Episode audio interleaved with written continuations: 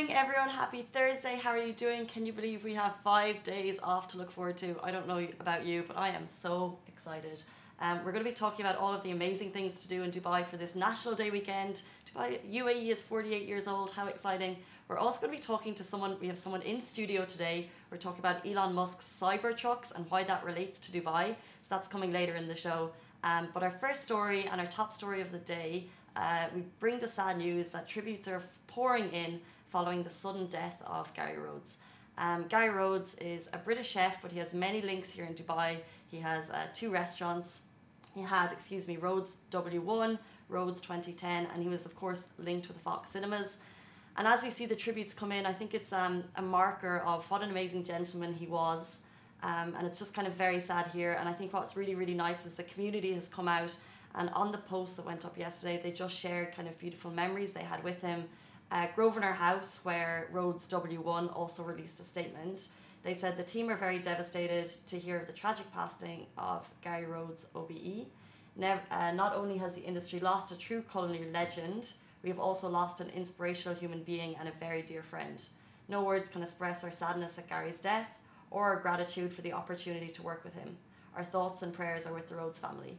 Um, so that came from Grosvenor House. We've seen similar. Gordon Ramsay um, mentioned what a gentleman he was. Also, the Michelin Guide um, mentioned that he was a, a huge debt is owed to him uh, for his work in the culinary scene. He had his first restaurant in the UK in 1996. Less than 10 years later, he became um, an Order of the British Empire, which is one of the highest orders in the UK, which is incredible. Um, but he spent a lot of time here in Dubai, and what I think was really nice is we saw a lot of kind of uh, foodies yesterday um, mentioning just kind of the way he has touched their lives. So whether it was in cooking classes, people who saw him at the Ripe market, uh, people who met him at different restaurants here in Dubai, sending their heartfelt condolences. Um, just a couple of the comments here. He did a fantastic performance at Grosvenor House. What a loss. That was one um, very nice one. Best chef on telly back in the day. Of course, he was in MasterChef, Hell's Kitchen, and so many other shows. He had his own one, Rhodes Around Britain. So it's just a very a sad loss, and at 59 years, I think um, a lot of people are in shock. Uh, so our heartfelt condolences to the whole Rhodes family. Um, our thoughts are with you at this time. Um, we're going to move on to our following story now, um, which is coming up. We're talking about the top things to do in Dubai for National Day weekend. Um, there's loads of things going on. This is Dubai, of course, you can, as you can imagine. Uh, there's fireworks at Al Seef Lumiere. F1 is in Abu Dhabi, guys. I'm not sure if you're heading down, but we talked about it yesterday. There's been a slight a slight change in the performers. So for Yasalam, it's Marshmello kicking off tonight um, at the Yasalam after his concerts. Tomorrow we're going to see uh, Gucci Mane and Future. Lana Del Rey is uh, happening on Saturday, and then the Killers on Sunday, finishing off with a massive climax. There's also usually fireworks, so that's going to end F1 weekend. Um, but there's so much going on here in Dubai. Of course, it's Thanksgiving as well, so it's pretty hard to keep up, but we put a list up yesterday, which you can check online.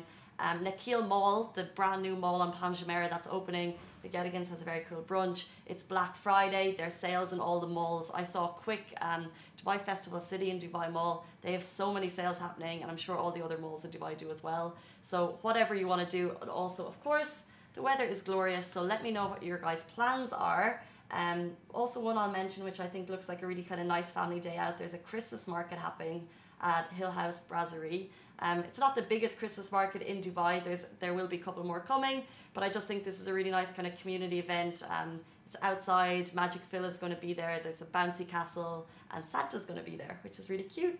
It's Christmas time, November 29th. It's happening this Friday, so it's time to get excited for Christmas, and a Christmas market is a great way to do that. And moving on to our final story, Elon Musk's controversial Cybertruck might join Dubai police it. And we have someone here talking from Smashi TV. Um, Hala has been waiting in the wings. Hey, Hala. Hi, Thank you for joining you? us. Thank you. So, before we kick off, just tell us a little bit about Smashi TV. Oh, Smashi TV is the first live streaming uh, Arabic uh, business channel for the Arab world.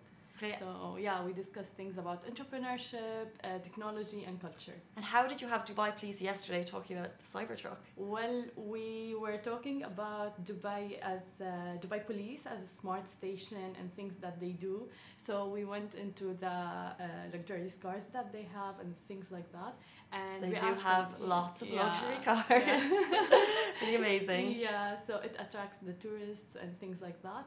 And uh, we asked them about the Cybertruck, and they were like, "It's a teaser, Mhm. uh, but we'll probably see it in 2020." really? Yeah. So a quick recap on this is Elon Musk uh, with Tesla. They kind of promoted this Cybertruck like last week, basically saying what it's it's unbreakable. Yes. but what the Cybertruck is unbreakable. It, it's obviously sustainable on renewable energy. Yeah. Um, but then when he threw the rock at it, Yeah. the window broke. What, Exactly. what not once, not twice. Yeah, multiple times. that? I just saw pictures of this, guys, and he said it would be unbreakable, and obviously those pictures are everywhere. Yeah. What happened with that? Uh, I don't know. Don't you think it's like smart marketing from him so people can share it? Like a lot of people already reserved this uh, Cybertruck, although they don't really need it. They've reserved the Cybertruck that they saw the windows breaking. yes. How? Literally, they, they paid like uh, I know people who paid like 500 dirhams for it too.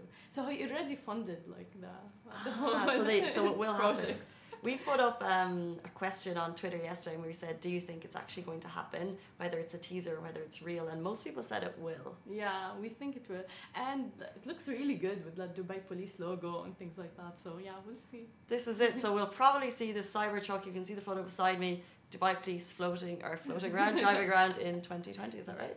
Very cool. Okay, thank you so much for joining thank us. You, thank you. Guys, we'll be back next Sunday with all your top stories. Oh, next Sunday, I lie. We'll be back on. Oh yeah, it, Wednesday. Wednesday. Okay. Have a great weekend. See you then. That is a wrap for the Lovin Dubai Daily Live. Remember, we are back with you same time, same place every morning. Do not forget, we also have Dubai Works Business Podcast where Rich sits down with the business people of Dubai so you can get more information about that. And of course, the Lovin Weekly show where Shireen and I chat to influencers and get to know a little bit more about them. Bye.